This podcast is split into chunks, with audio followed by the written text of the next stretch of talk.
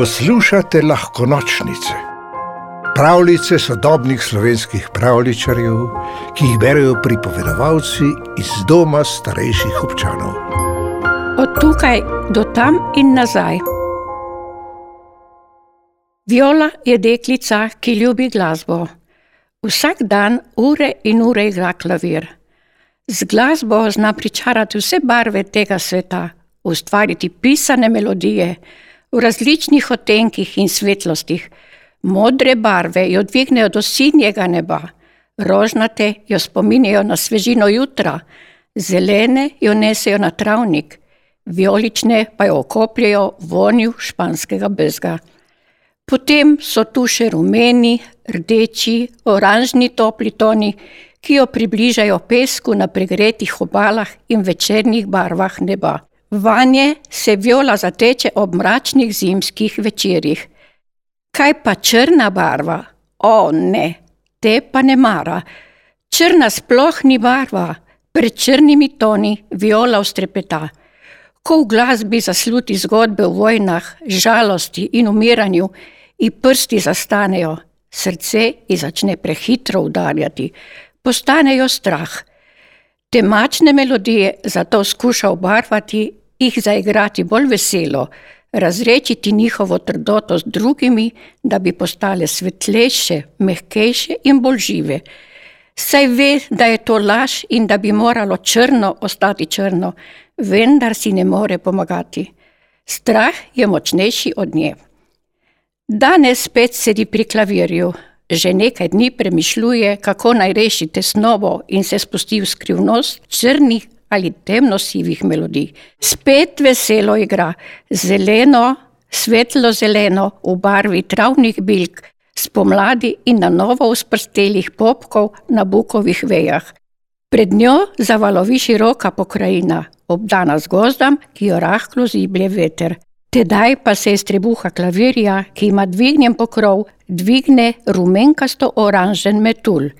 Za njim prileti rdeč, potem vijoličen, na to nekaj modrih in jata zelenih. Na zadnje izplava iz klavirja prava maurica pisanih metuljev. Tudi beli so med njimi. Veliko jih ima črno česa na krilih in rahlo črnskaste obrobe. Čisto črnega pa viola ne vidi nobenega, kar oddahne si. Očarano jih opazuje in vedno bolj pisano igra. Metuljev je več in več. Ko se utrudi, položi roke v naročje, takrat raznobarvna krilca obledijo v zraku in se spustijo na klavir. Toliko jih je, da ga vsega prekrijejo, kakor svileno pregrinjalo. Viola išče po vzorcu vseh mogočih odtenkov. Je kateri od metuljev črn? Še sama ne ve. Ali si ga želi najti ali ne? Zakaj ga sploh išče? Z očmi prečeše pisano pregrinjalo od tukaj do tam in nazaj. Sedaj ga zagleda, nekje tam na poti nazaj, čisto na vogalu pokrova. Samo enega, ta jo vznemiri. Si dnevni ali nočni, ga negotovo pokliče. Dnevni, odvrne črni metul, razpre krila, prileti k njej in sede na klaviaturo. Če bi bil nočni, ne bi mogel biti po dnevi tukaj. Nočni metulji so v svetlobi slepi. Zakaj pa si potem črn? Če me pogledaš od blizu, boš videla, da nisem. Viola si ga dobro ogleda, res je, kar je rekel.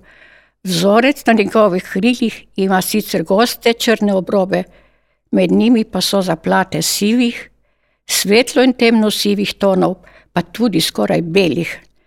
Črne in sive se bojim, prizna Viola.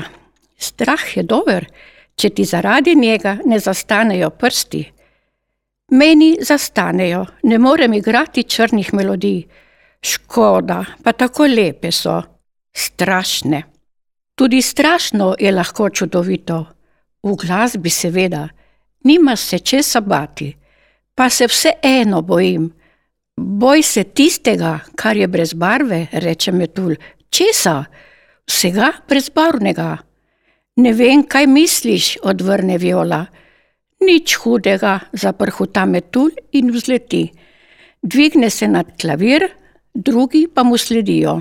Ogromna jata zleti proti oknu, od tukaj do tam in ga vsega zakrije. Naenkrat so vsi metuli črni, vsi skupaj ena sama temna senca.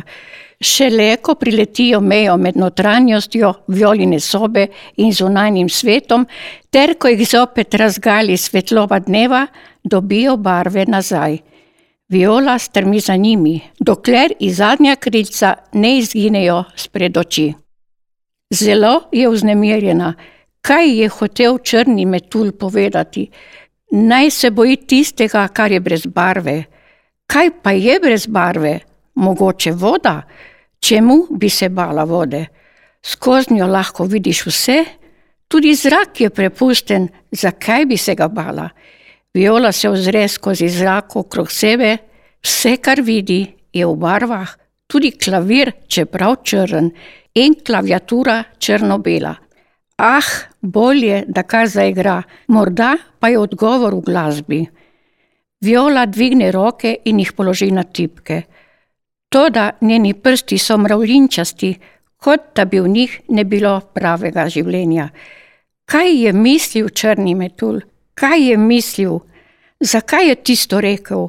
Še vedno je vsa odrevenela, vliva si volje, da bi zaigrala.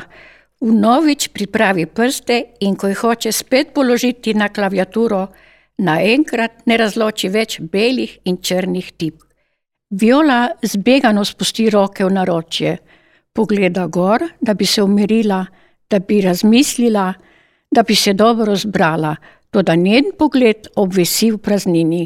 Klavir je popolnoma brez barve, skoraj prozoren, vendar ničesar ne prepušča. Stene so brez barve, okenski okvir tudi in zunaj, tam ni ničesar, vse prazno. Violo postane tako strah, da zaječi od groze. Je to konec sveta, konec vsega, veselja in žalosti, dneva, noči, letnih časov, konec glasbe. V obupu udari po brezbarvni klaviaturi, melodija je povsem razglašena, viola pa ustraja, išče najtemnejše tone, tiste, ki govorijo o razdejanju, begu, izgubi, črne, črne, čisto črne. Vedno manj tesnobno ji pri srcu, ves svoj nemir prelije v črno melodijo, ves svoj neizmerni strah. Od tukaj do tam in nazaj, igra in igra, mogočni temni toni jo preplavijo, igra strastjo, obupa in upanja, teme in luči. Njena melodija sploh ni več razglašena, vedno lepše zveni, malo strašno in temno, ampak lepo. Tudi strašne stvari je treba povedati, pomisli, tudi temne zgodbe so lepe. Vedno bolj umirjeno ji plujejo prsti po klaviaturi, vedno manj je črna melodija. Začnejo se pridruževati najprej sivi, potem vijolični, modri, temno-zeleni in temno-rdeči toni. Violini prsti postanejo počasnejši, kot da bi plesali angliški valček. Srčni utrip sledi njihovemu ritmu in soba se nenadoma zatemni. Viola se ozre proti oknu, prekrila ga je temna senca. Oh, prav nič se ne bojim, si reče v mislih, samo metuli so se vrnili. Pravljico napisala Nataša Konc Lorenzuti, pripovedovala Ana Golob. V deželo princesk, zmajev, gozdnih vil in ostalih čarobnih biti ste vabljeni na lahko nočnice, pika si, pa lahko noč.